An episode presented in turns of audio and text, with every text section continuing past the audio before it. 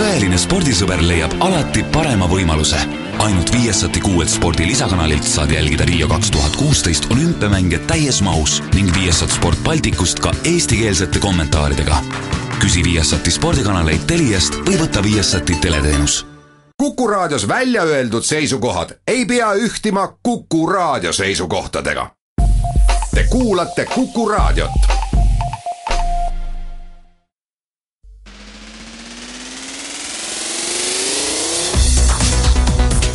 Muuli ja Samost. muuli ja Samost. tere, head pühapäeva kõigile, alustame saadet Muuli ja Samost, stuudios on Anvar Samost ja Kalle Muuli. ja järgneva viiekümne minuti jooksul räägime siis eh, presidendivalimistest, kus sel nädalal on toimunud täiesti enneolematuid eh, arenguid, nihkeid edasiarenguid, võiks öelda, räägime ka Eesti majandusest, millest on eh, kuidagi vähe juttu olnud, aga ma arvan, et põhjust rääkida on, räägime ka sellest, mida eilne Õhtuleht on kirjeldanud esikülje pealkirjaga Rendi peaminister enda peole klouni tegema, kutsest Moskvasse ja lõpuks, kui kõigi selle järele jääb ka aega, siis räägime veel kord sellisest huvitavast asjast nagu sõidujagamisteenus. muuli ja Samost. aga alustame presidendivalimistega ja ilmselt peaks kõigepealt siis loetlema need uued faktid, mis on nädalaga lisandunud ja mis on sellised asjad, mille üle väga raske vaielda. Ehk siis esimene fakt on see, et Reformierakonna juhatus konsensuslikult, nii nagu see Reformierakonna juhatuse suhteliselt veidralt vormistatud ametlikus otsuses kirjas on, et tavaliselt jõutakse konsensuslikult otsuse, ma olen tähele pannud, siis need pooled, kes selle otsusele konsensuslikult jõuavad, ei kirjuta sinna otsusesse sisse, et see on konsensuslik. aga no see selleks, et Reformierakonna juhatus otsustas Riigikogus presidendivalimistel toetada kandidaadina Siim Kallast ja sellele tugineb ka teine fakt, milles, mis on siis see, et tänase seisuga on Siim Kallase ülesseadmiseks Riigikogus koos kakskümmend üheksa Riigikogu liikme allkirja, need on kõik Reformierakonna fraktsiooni liikmete allkirjad, puudu on äh, kuuldavasti Igor Gräzini allkiri, aga noh, seda ei tahaks hästi uskuda, et Igor Gräzin jätab Siim Kallase presidendiks ülesseadmise toetuseks oma allkirja andmata, nii et võib ka faktiks lugeda seda, et Siim Kallasel on ülesseadmiseks kolmkümmend toetusallkirja Riigikogu liikmetelt olemas. ja kolmas fakt siis puudutab teist kandidaati, mitte Siim Kallast, et see on siis Vabaerakonna esinduskogu ka siis ma saan aru, konsensuslik otsus ei, kakskümmend viis, kaks. ah, vabandust, nad hääletasid, jaa, okei okay.. kakskümmend viis poolt, kaks vastu. okei okay,, aitäh paranduse eest, et olekski praegu vale teele juhtinud kuulajad, et et, et Vabaerakonna esinduskogu siis hääletas ja hääletuse tulemusel nad avaldasid toetust Vabaerakonna poolt presidendikandidaat Allar Jõksile, aga parandage mind, kui ma eksin jälle, et see tegelikult ei tähenda, et Vabaerakonna fraktsiooni liikmed Riigikogu, Riigikogus, neid on seal äh, kaheksa tükki, et nad peaksid hääletama valimistel Allar Jõksi poolt või andma tema toetuseks kõik äh, allkirja. no saadikud on oma mandaadis vabad. jaa, aga see esinduskogu otsus ei ole isegi vist sellisel tasandil siduv nagu noh, no näiteks nagu IRL-i volikogu või Reformierakonna juhatuse otsus Kallase või Jõksi suhtes, eks. et kui ma kabiini lähen, ma võin ju teha seal, mida ma tahan, aga mõistlik inimene arvestab sellega ikkagi, kuhu ta on enne alla kirjutanud ja kui ta on ikkagi ülesseadmislehele oma allkirja andnud, et vaevalt, et siis ta hakkab seda, seda oma häält sööma, aga ma saan aru, kuhu sa tüürid, et võib-olla need kaks häält mis ei, seal, seal esinduskogus olid, olid, olid vastu, et äkki need on Vabaerakonna fraktsioonis ka vastu? ei tüürin ma sinna, aga noh, selles mõttes, et ei saa välistada jah, et Riigikogu fraktsioonis on kuulda olnud, et seal on paar liiget, kes ei taha võib-olla või ei tahtnud varem Jõksi taha minna. no pole probleemi. aga fakte mul ei ole selles mõttes, et ma loetlesingi siin fakte, et siis võiksime edasi minna juba nendest faktidest tulenevate järelduste ja prognooside juurde, eks. et noh, kui nüüd faktidest oleme juba eemale jõudnud, siis võib-olla alustakski Allar Jõksist, et et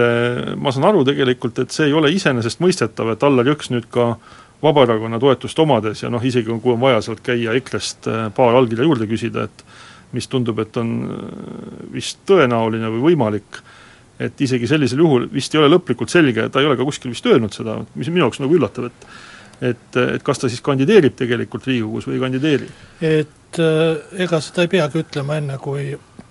neli päeva enne äh, valimisi hakkavad kandidaatide ametlikud ülesseadmised, nii nagu seadus ette näeb. et see võib olla ka taktikaline hoiak, aga tegelikult noh, eks see küsimus on, et kui selleks ajaks, kui ametlik ülesseadmine algab, on läbirääkimiste seis selline, et ütleme, on näha, et ükski kandidaat Riigikogus valituks ei osutu. et siis tekib ju kandidaatidel küsimus, et milleks siis üldse kandideerida, mis see kandideerimise mõte on. noh, seal on mõtteid muid ka peale selle, et, et kindlasti valituks osutuda, et proovida seal oma toetajaskonda või, või näidata oma toetajaskonda või mis iganes, taktikalisi mõtteid võib olla, aga võib olla ka see mõte, et et juhul, kui mul tõesti äh, Riigikogus on, on väike toetus ja samal ajal ma arvan, et valimiskogus on väga suur toetus, et kas ma pean tulema demonstreerima oma väikest toetust oma nendele võimalikele valimiskogu äh, toetajatele, et näete, mul Riigikogus on selline kehv seis. et äh, sellised kaalutlused võivad kandidaatidel olla, et meil on ju olnud palju presidendivalimisi, no mis palju, presidendivalimisi on üldse vähe olnud, aga, aga nendest vähestest siiski on mõned korrad olnud, kus ju kandidaadid, kes äh, hiljem on valimiskogus kandideerinud või äh, mis iganes, et ei ole Riigikogus üldse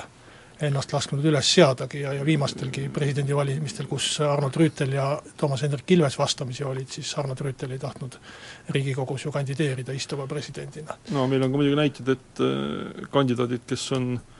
Riigikogus kandideerinud, ja pole saanud vajalikku kuutkümmend kaheksat häält, on hiljem saanud presidendiks. Ja neid näiteid ma ütleks, on lausa enamus. jah, need on peaaegu kõik, eks ju. Et, et et see, see, see kommentaar käib pigem Taavi Rõivase jutu kohta, mida oleks võib-olla, kuhu peaks pigem hiljem tulema, kus ta ütles, et, et kui Riigikogus ei ole saadud rohkem kui kolmkümmend häält, et siis tõenäoliselt ei ole mõtet valimiskokku minna, et see on nagu selles mõttes absurdne jutt, et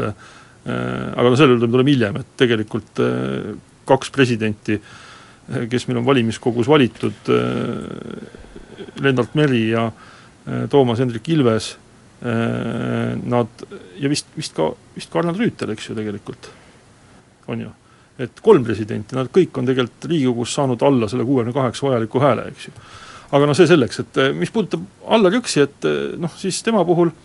tema see kuvand on ju selline, et kui ta ka saab Riigikogus näiteks noh, ma ei tea, kas siis selle allkirjade arvule vastava kakskümmend üks häält või paar häält rohkem, näiteks kakskümmend kolm häält, või, või ka paar häält vähem, et mõni IRL-i liige, kelle kohta Jõks on halvasti öelnud, otsustab tema poolt mitte hääletada, et saab üheksateist häält, et ma arvan, et sellel ei ole mitte mingit tähtsust tegelikult tema edasise käekäigu suhtes valimiskogus, sellepärast et tema kuvand ongi selline, et kui need vastikud partokraadid seal Toompeal ei anna talle hääli, siis see pigem tugevdab tema kui sellise sõltumatu kandidaadi kuvandit, ma räägin täiesti ilma igase irooniata praegu siin, et et see üheksateist või kakskümmend või kakskümmend üks või kakskümmend kolm häält ja noh, näiteks siis kolmas positsioon seal eh, Mailis Repsi ja Siim Kallase järel, et ega see ei, see ei vähenda kuidagi tema väljavaateid, tema väljavaadete põhiliseks kitsendajaks on tegelikult ikkagi jätkuvalt seesama asjaolu, et Reformierakond ja Keskerakond vaatamata äh, härra Karilaidi selle nädala aktiivsetele pingutustele tegelikult noh, väga suure tõenäosusega talle hääli ei, ei ühes ega teises valimis äh, Äh, nii-öelda protsessi osas hääli andma ei kipu, eks. no mis me võime ütelda, võime ütelda, et Riigikogus on siis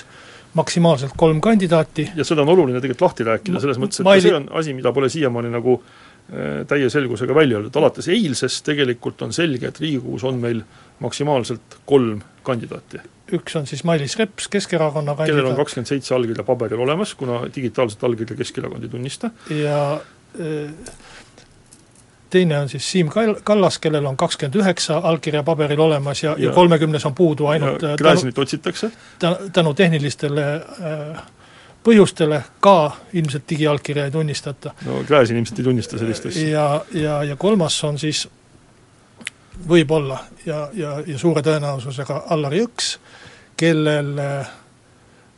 on siis äh, viisteist allkirja, ma saan aru. no ne-, alg-, neid allkirju vabandust, neliteist. Need, need ei ole paberil olemas. aga saab, saab, saab äkki neliteist allkirja, kuna no, arvan, IRL-i volikogu otsus on olemas. no Vabaerakonna esinduskogu otsus on ka olemas. no need ei ole võrreldavad institutsioonid tegelikult, aga no ütleme nii, et on tõenäoline, et ta saab ka kakskümmend üks allkirja, ehk ja. siis kui siin nüüd näppude peal kiiresti arvutada, et meil on siis põhimõtteliselt kolmkümmend allkirja Reformierakonna liikmete, fraktsiooni liikmete poolt antud, siis on meil antud kakskümmend seitse allkirja Keskerakonna fraktsiooni liikmete poolt, ehk siis saame kokku viiskümmend seitse, liidame sinna juurde neliteist, saame palju juba, seitsekümmend üks, eks, ja noh, tõenäoliselt veel kaheksa, ehk siis seitsekümmend üheksa. nii et noh, tegelikult nibin-nabin äkki isegi korjaks äh, kakskümmend üks allkirja kokku, aga no ma väga imestaksin, kui EKRE liikmed tuleksid, annaksid Eiki Nestori toetuseks selle allkirja no.. ja, ja EKRE liikmete käest tuleb sotsidel need allkirjad saada, kui nad tahavad äh, kahtekümmend üht allkirja saada, sellepärast et kahte kohta kahele kandidaadile allkirju anda lihtsalt ei saa. no ei, ei ole Nestor Riigikogu kandidaat, see on, see on minu meelest hetkel juba päris selge. aga, aga küsimus on nüüd see, et kui mingit ühe kandidaadi peale kokkulepet ei sünni ja noh, väga väike on see tõenäosus, et ta sünniks, et kes siis on need kaks enamhääli saavat äh, Äh, kandidaati, et sel juhul ma arvan, et äh, väga suureks kaalukeeleks kujunevad just nimelt sotsid. ehk äh, nad saavad siis otsustada, kes on selline Riigikogu lemmik, anda oma viisteist häält siis kas Repsi, Kallase või või Jõksi poolt ja sellega määrata ära ka tegelikult selle, kes on, kes on Riigikogu kõige suurema häälte hulgaga kandidaat, juhul kui, kui, kui mingit kokkulepet ei sünni ja kolm kandidaati jäävad üles, nii et võib küll ütelda, et sotsid ei saa oma kandidaati üles panna, aga, aga selles nagu ähm, ülejäänud kolme kandidaadi äh, tulemuse määramisel noh, on neil päris otsustav sõna, seda enam, et kaks äh, kaks Riigikogus enim, enim hääli saanud kandidaati lähevad ju automaatselt seaduse järgi valimiskokku kandideerima, juhul kui nad muidugi ei loobu ise nii et noh, mingisugune tähendus äh, nendel häältel on ja, ja eks ta ole pigem selline moraalne võit, et mul on palju hääli, ma sain Riigikogus kõige rohkem hääli. saab äh, noh, nädal või kaks rääkida seda. et, et äh, selline see olukord on, aga, aga noh kordame siis nagu veel kord üle, et, et sa pead tõenäoliseks, et kui Jõks ei peaks mingil põhjusel otsustama Riigikogus kandideerida, siis valitsuskoalitsiooni erakonnad äh, sotsiaaldemokraadid ja IRL annavad oma hääled valimistel kellele? no võib jätta ju lahtiseks ka, aga, aga väga, väga ebatõenäoline on, et kui on kaks kandidaati, Reps ja Kallas näiteks, et siis valitsuskoalitsiooni saadikud millegipärast lähevad hääletama äh, Repsi ehk siis Keskerakonna kandidaadi poolt. et äh, noh, mingitel põhjustel kindlasti, kindlasti üks või teine või, või kolmas saadik võib seda teha, aga mingit massilist ma seda küll ei näe, sellist, sellist hoiakut, et pigem siis ikkagi jaguneb, juhul kui on kaks kandidaati, siis jaguneb ikkagi koalitsiooni ja opositsiooni jõujoon, jooni mööda see, see, see hääletamine seal. noh, Vabaerakond, kuidas nad siis otsustavad. et põhimõtteliselt ju noh, nii Vabaerakonnal kui Isamaa Res Publica Liidul äh, Eh, on ju volikogude otsused, keda toetada ja, ja, ja selles mõttes, kui nende kandidaati ei oleks, et siis ilmselt on hääletus vaba, kui fraktsioon vahetult enne teisiti ei otsusta. aga räägime siis eh, Reformierakonna kandidaadist Siim Kallasest ka nagu lähemalt, et esiteks noh, nüüd on selge, et et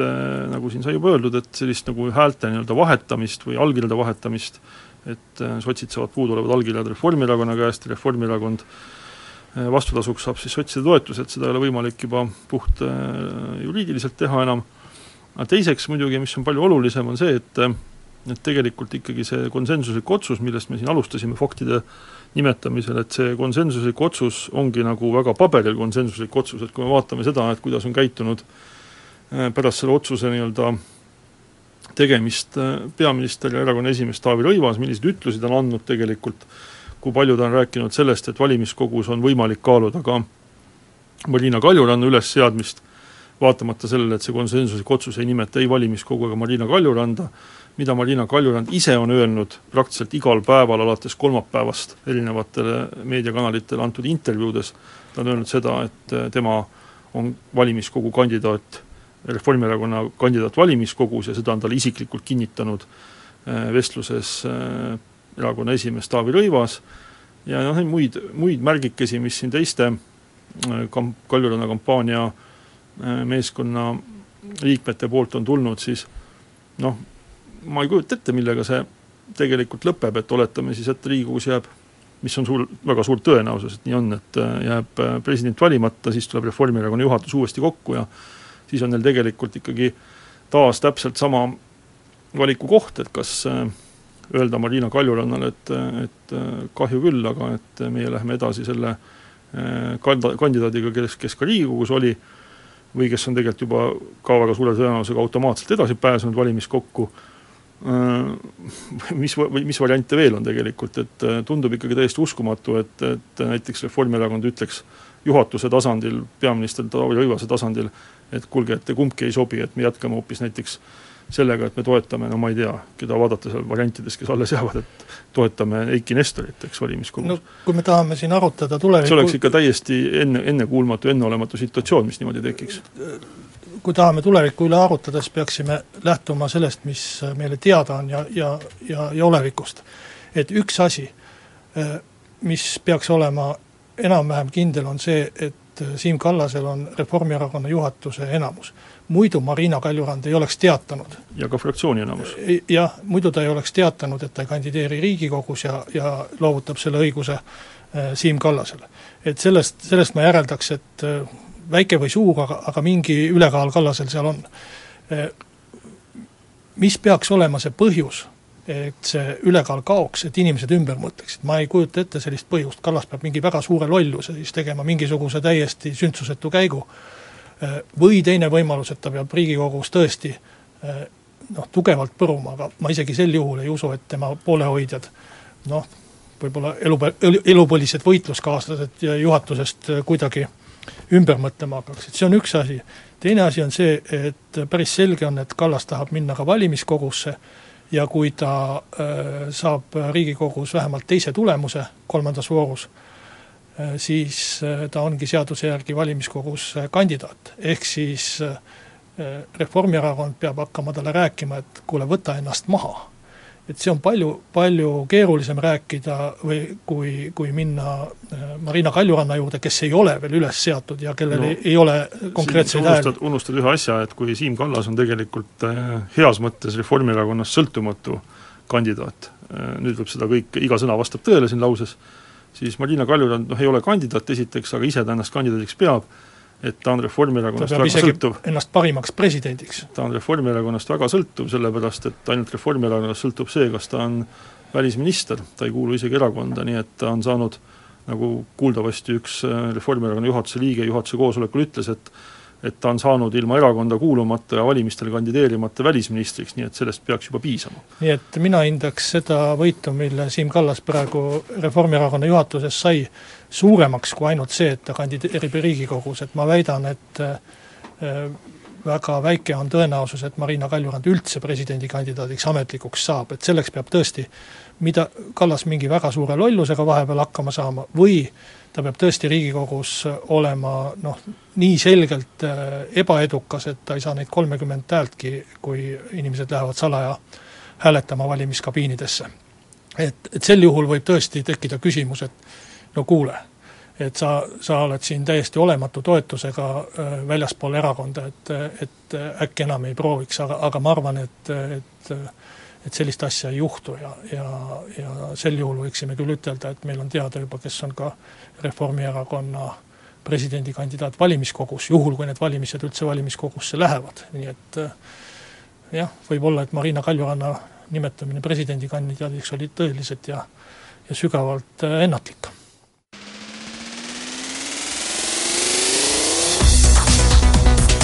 Muuli ja Samost. muuli ja Samost. jätkame saadet äh, majandusteemadel, tegelikult elame majanduslikult üsna sellisel ebaharilikul või äh, päris eriskummalisel ajal, mida tavaliselt kapitalistlikus turumajanduses väga sageli ei juhtu, mõnes riigis on küll, küll seda pikka aega olnud, aga aga Eesti kohta on see kindlasti väga ebaharilik ja siis konkreetne uudis on see, et et lõppeval nädalal sai teatavaks, et juba kaks aastat järjest on Eestis äh, hinnad langenud ehk deflatsioon olnud, äh, jutt käib muidugi keskmisest kaubakorvist, nii et kui keegi leiab kuskilt hinna, mis on kasvanud, ei maksa arvata, et, et andmed on valed, lihtsalt käib statistiline arvepidamine, see hinnalangus ei ole küll suur, see on, peaks ütlema, et väike, aga siiski ja, ja järjepidev. teisalt, mis on kummaline selle hinnalanguse kõrval, on see, et palgakasv samal ajal on olnud ka peaaegu et kaks aastat juba, juba võrdlemisi kiire, kuus protsenti, viis protsenti aastases arvestuses kasvavad, kasvab keskmine palk, et selline kummaline vastuolu, et kui, kui palgad peaks kasvama, peaks ju, ju põhimõtteliselt hinnad ka kasvama, sest eeldus on ju see, et nõudlus kasvab, inimeste ostujõud kasvab ja, ja vastavalt saab siis hinda kergitada, eks siin ole suuri ülemaailmseid trende, mis on seotud naftahindade ja, ja energiahindadega, mis on oluliselt langenud viimase paari aasta jooksul. aga kindlasti on siin ka mingisuguseid kodumaiseid mõjureid, näiteks ma pakun, et et väljaränne, mis on olnud viimastel aastatel väga suur, on kindlasti tööjõu nõudmist suurendanud ja selle kaudu ka palgakasvu, nii et selline kummaline vastuolu kiire, kiire palgakasv ja samal ajal väike hinnalangus. no tõlkides selle asja nüüd veel lihtsamaks, et äh, ma arvan, et juhul, kui mingil hetkel, mingil põhjusel peaks see palgakasv oluliselt pidurduma või peatuma, et siis on Eesti majanduskasvuga ka selleks korraks jälle kõik, sellepärast et kui ma siit äh, sellest üsna väiksest noh, või üsna väga väiksest majanduskasvust, mis on seal ühe protsendi kuskil tuuris, et kui sealt võtan selle sisetarbimise osa maha, siis tegelikult me oleme kohe miinusterritooriumil. ja mis puudutab palgakasvu, siis ma arvan, et siin on võib-olla vähem on olnud viimastel aastatel väljarände mõju, et pigem on ju sisseränne või tagasiränne kasvanud, et selles on jätkuvalt see hindade ja palkade konvergentsi mõju, tööjõu vaba liikumine ja kõik muu see, et lihtsalt meile, tahame või ei taha, et nii, nii palgad kui hinnad liiguvad äh,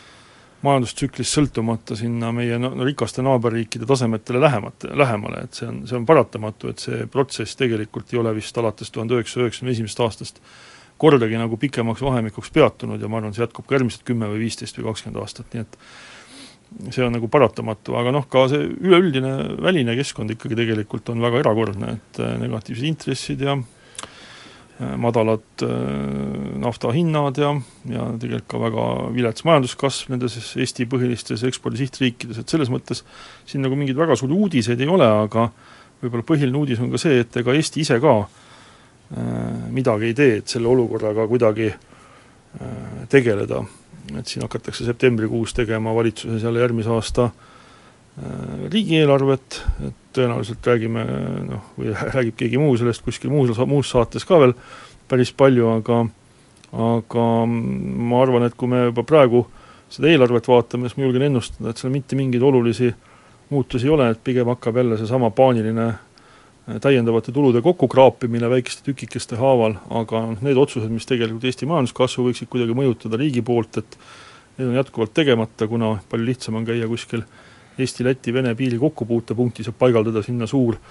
fallaslik post. ega selle palgakasvu puhul muidugi peab vaatama ka see, et millise otsa palgad ja, ja kus need palgad kasvavad. et noh, mingis mõttes kuna olukord on ebatavaline ja, ja kapitalismile mitte, mitte väga iseloomulik, siis võiks ju ütelda, et kui kui selline kapitali põhifunktsioon on teha rikkad rikkamaks ja vaesed vaesemaks ja, ja, ja kapitalismis see nii on, noh, inflatsiooni korral ju tegelikult kaotavad need, kes palka teenivad ja võidavad need, kellel on äh, kapitali ehk, äh, ehk vara, mille väärtus siis äh, püsib või suureneb. et praegu on olukord vastupidi, et kasumid peaksid ettevõtjatel kahanema, kuna palgakasv on kiire ja tööjõudu ei ole saada. Ja samal ajal hinnad langevad, ehk kaupa ei saa müüa eh, hea hinnaga, et eh, ja samal ajal peaks siis eh, palgasaajate olukord jälle lihtsamaks minema, et saab odavalt osta ja, ja, ja palgapäeval on, on rohkem raha arvel, aga, aga samas, kui me vaatame nagu Eesti tegelikku olukorda, siis tundub, et ega see kihistumine ei ole vähenenud või, või no, no statistilised näitajad tegelikult vist ikkagi on, ütleme et, et see on nii minimaalne, et selle, selle, sellest aga, aga suhteliselt püsiv samas. jah, et, et ta tegelikult ehkki palgakasv on kiire ja, ja, ja hinnalangus samal ajal, et see kihistumine peaks kiiresti vähenema, teoreetiliselt või niiviisi paberi peal vaadates, aga no., aga reaalses elus seda millegipärast ei juhtu, sellepärast ma ütlen, et et kella vaatamise efekt, et reaalses elus aeg, aeg liigub, aga kella vaadates tundub, et aeg seisab, eks. No ja, ja nüüd sangpomm ujub jah ja., see näide ka. just, et ma, ma arvan, et tegelikult see kihistumine on tegelikult reaalselt vähenenud, aga, aga noh, see on nagu mingis mõttes positiivne uudis, aga ka see on, ma arvan, ikkagi suuresti sama osa sellest palkade ja hindade konvergentsist, mis tuleb meile olenemata sellest, kes meil valitsuses on või millist majanduspoliitikat see valitsus ajab, kui me just mingit sellist Põhja-Korea stiilis autarkiat ei hakka siin viljelema.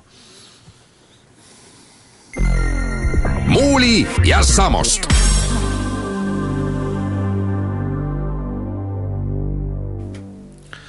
Aga nüüd äh, räägime siis sellest, mis on valitsusliikmele või peaministrile või siseministrile või presidendile sobilik teha, et sel nädalal Äh, kes vaatas AK-d, siis nägi ühte huvitavat uudist selle kohta, kuidas Eestis toimub järgmisel nädalal väga kallite autode omanike kokkutulek, noh, väga kallite all ma ei mõtle siin mingeid S-klassi Mercedeseid, mis maksavad seal sada tuhat või sada kakskümmend tuhat eurot, et jutt käib ikkagi Lamborghinidest ja McLarenitest ja Ferraridest autodest, mis maksavad seal suurusjärgus kakssada, kolmsada, nelisada tuhat eurot. Ja tegemist on siis valdavalt välismaalastega, kes tulevad äh, odavasse Eestisse kaunist nädalavahetust veetma, et kõigepealt käiakse Tallinnas ja siis tehakse Põhjamaade ühel parimal ringrajal Audrus äh, Pärnu lähedal kiiremaid ringe ja õhtul käiakse ööklubis ja, ja pühapäeva õhtul sõidetakse tagasi, et see kõik on täiesti okei okay ja kindlasti, kindlasti mm, toob Eesti teenus, teenindussektorile pisut raha, aga mis on täiesti absurdne, on see, et et ametlikku programmi, mille on kokku pannud selle ürit-, see on, see on nagu, see on nagu teenus iseenesest, see on turismiteenus, et selle programmi on kokku pannud äh, Sten Pentus, kes on Keit, Keit Pentus-Rosimannuse noorem vend ja nii nagu õdegi, samuti Reformierakonna liige ja selle äh, ürituse piletihind on siis kaks tuhat viissada eurot, nagu me võime vastavalt koduleheküljelt lugeda, ja hinna sisse äh, siis Tallinna osas kuulub Stenbocki majas ekskursioon, mida juhib peaminister Taavi Rõivas ning juba siis Pärnus, ma saan aru, mingis ööklubis, mille nõu-, nime mulle siit ei selgu, siseminister Hanno Pevkur korraldab viktoriini. ehk siis tegelikult antud juhul ma pean küll nõustuma Õhtulehega, kes on selle kogu teema pealkirjastanud eilses lehes lausega rendi peaminister enda peole klouni tegema, et et nii see täpselt välja paistabki ja ükskõik, millised selgitused selle kohta, et kuidas tegelikult Stenbocki majas käib palju külalisi ja vahel peaminister näitab neile oma kabinetti, ei muuda selle asja nagu äh, olemust. no mis see olemus siis sinu meelest on? no täpselt see, mida ma, mida ma siit Õhtulehest ette lugesin. et äh, ma arvan, et kui nad oleks helistanud Riigikogu kantseleisse ja ütelnud, et tahavad kohtuda äh, Kalle Muuliga ja, ja kuulata ülevaadet Riigikogu tööst. Aga ei ole ju sellist, mida, mida sa võrdled, nagu sellist asja pole ju olnud, keegi pole saanud, tahtnud mingit ülevaadet saada, see on juba muide teist korda toimuv üritus, ka eelmisel aastal, ainult ajakirjandus lihtsalt ei teadnud seda, toimus samasugune asi ja on olemas nagu isegi fotod, vaatan siin, istub peaminister ühe laua taga maksupetturiga, eks ju, kes juba tol ajal oli selge, et tegemist on maksupetturiga, selle välja petetud raha eest on ta endale kalli auto ostnud ja peaminister võtab teda vastu, Äh, teades, et tegemist on osaga kommertsiaalsest üritusest,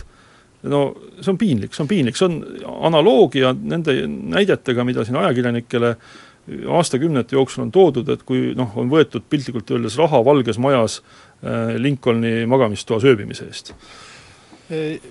Minu meelest noh, me peaksime siis nagu ära määratlema, et kas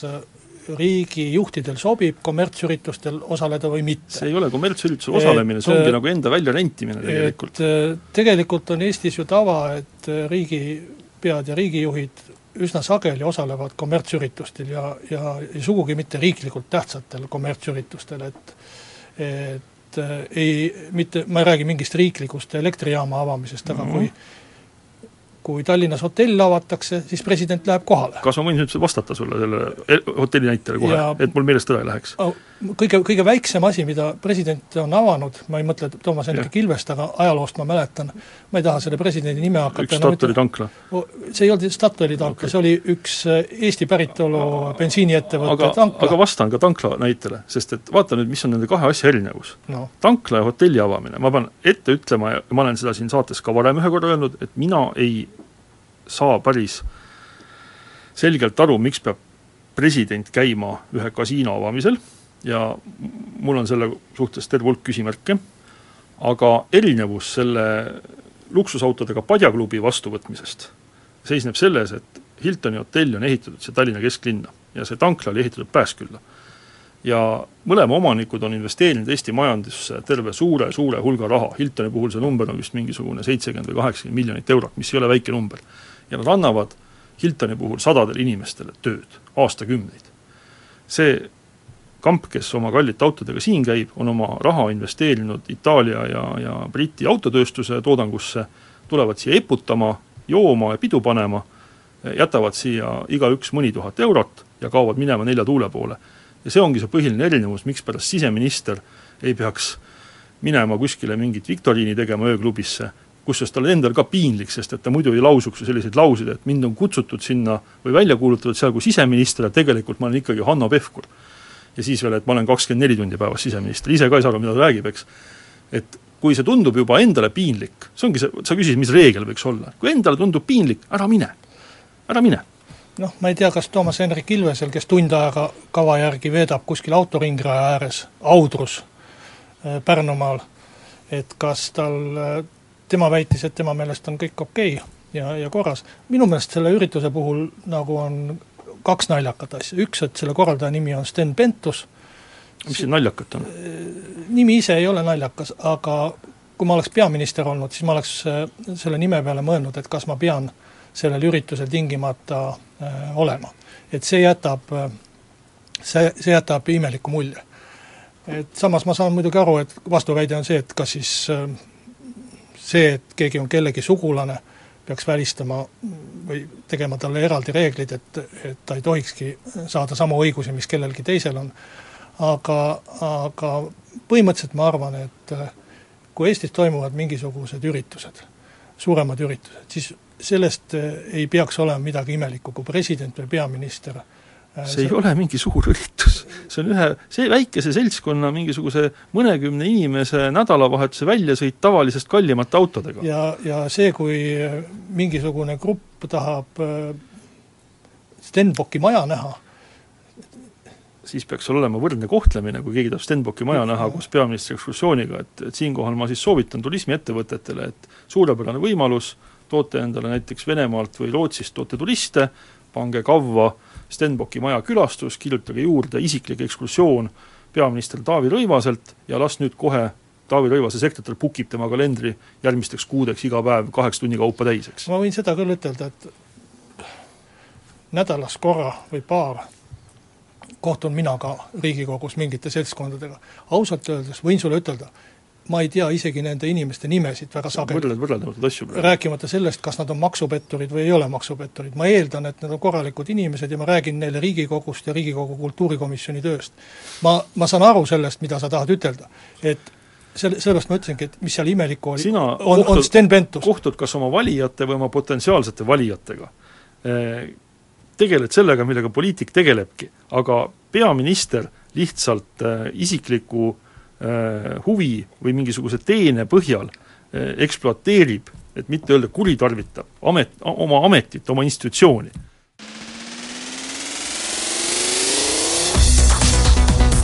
muuli ja Samost. muuli ja Samost. mul jäi siin eelmises teemas üks asi veel ütlemata, et tahaks soovitada kõigile värskest Eesti Ekspressist Hendrik Olole intervjuud lugeda, eelkõige mis puudutab ühte teatud poliitikute põlvkonda, millest me siin ka eelmised kümme minutit rääkisime, aga see selleks, räägime siis edasi Eesti julgeolekupoliitikast, Vene kaitseministeerium on sellisel veidral mitte väga arusaadaval viisil kutsunud valikuliselt piirnevaid, piirnevate riikide kaitseministeeriumide esindajaid septembriks Moskvasse, need riigid on siis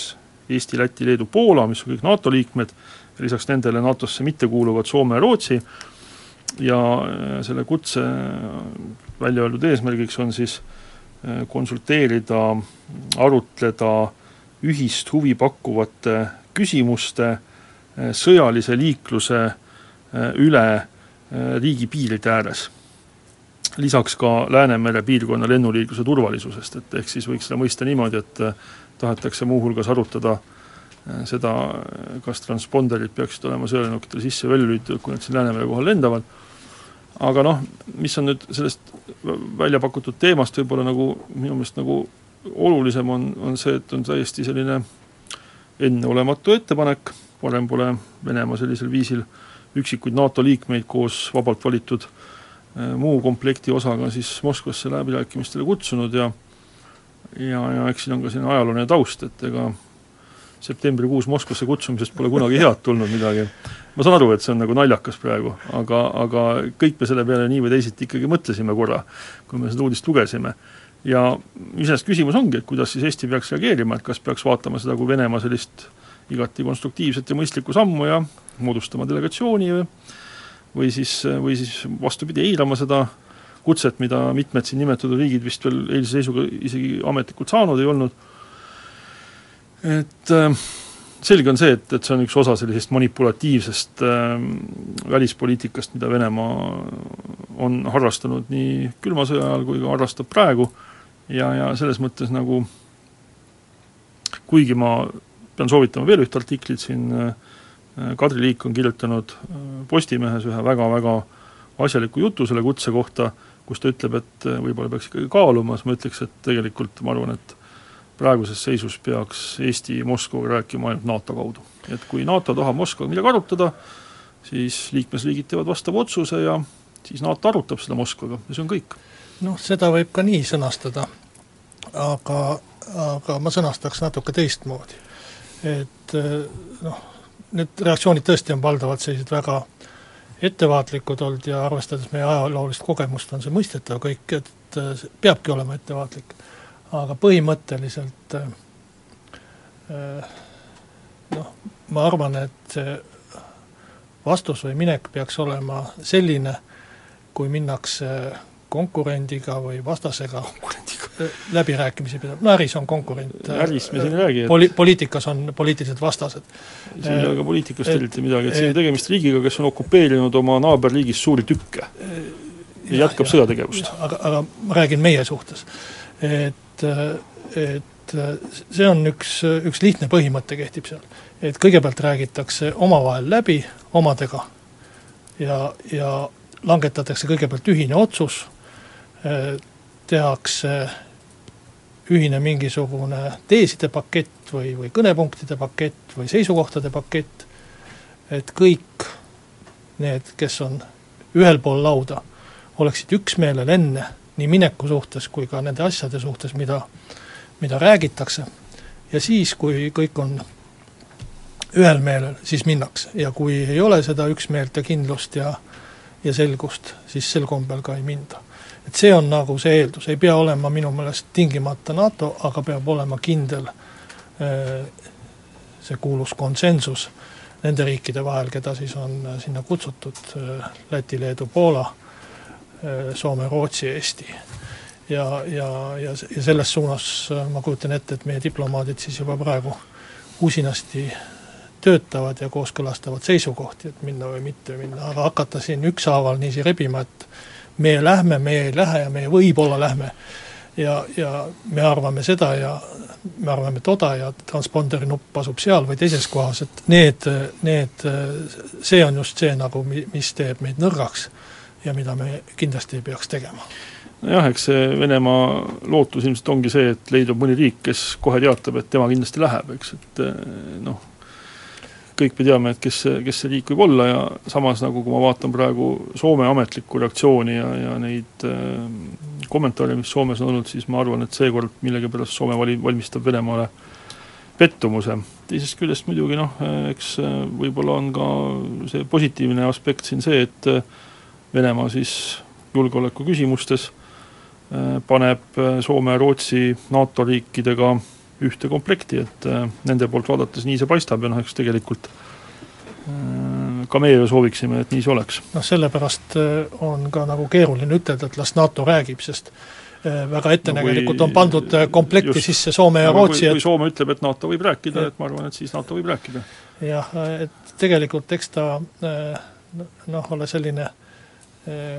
kahvlisse panek või, või, või ettepanek, millest on ka raske keelduda, et kui sa ütled, et teate, meid ei huvita Äh, Läänemere julgeolekust ja rahust rääkimine, siis see kõlab ka kummaliselt. Ja see, ja seda, seda vastust saab väga, väga hästi ära kasutada see tuleb jälle väga tuttav ette, et ma mäletan, et äh, aastatel seal kaheksakümmend kolm, kaheksakümmend neli rahuarmastav Nõukogude Liit tegi kogu aeg ettepanekuid selleks, kuidas Läänemere piirkonnas rahu edendada ja kuidas Euroopas tervikuna rahu edendada ja kuidas tuumarelva vähemaks võtta ja ja, ja kõige selle noh, nagu jutu nagu nii-öelda tegelik sisu oli absoluutne null. aga üldiselt need, kellele neid ettepanekuid tehti, olid ka enamasti ikkagi üksmeelel ja, ja kui nad ei olnud üksmeelel, siis läks ka asi halvasti ja käest ära, aga, aga, aga põhiline on see, et need riigid, kellele see ettepanek nüüd tehti, ei hakkaks äh, soleerima, vaid äh, räägiksid omavahel läbi ja tegutseksid ühiselt. muuli ja Samost.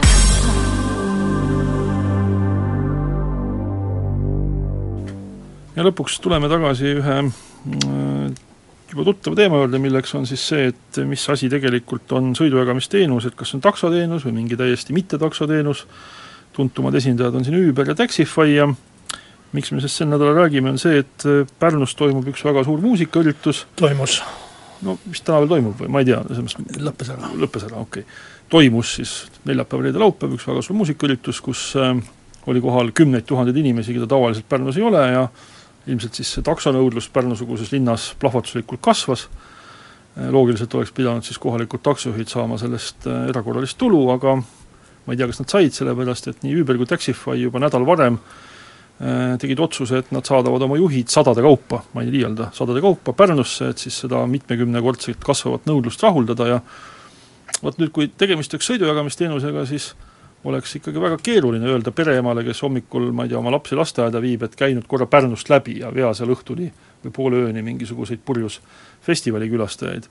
et äh, mm, ühesõnaga, mis ma tahan öelda, on see kogu aeg sõidad festivali paigast mööda jah, kui miski kõnnib nagu part ja prääksub nagu part, nagu see vana ütlemine on, ju ta siis ka on part, et kui miski asi toimib nagu taksofirma ja tegutseb nagu taksofirma ja näeb välja nagu taksofirma, küllap ta ka on taksofirma, et mis on minu nagu selle jutu mõte, on see, et kui on mingi regulatsioon, siis kohaldage seda kõigile ühtemoodi, kallid Riigikogu liikmed ja valitsuse liikmed. ega siin ei olegi midagi muud kosta nagu. jah, et äh sügishooaeg on tulemas, kui president ära saab valitud, aga võib-olla juba enne seda, äh, siis koguneme ja hakkame uuesti arutama seda, äh, kas on taksoteenus või sõidujagamisteenus või on see üks ja sama. jah, sellega tänasega lõpetame, Anvar Samost ja Kalle Muuli taas Kuku eetris täpselt nädala pärast.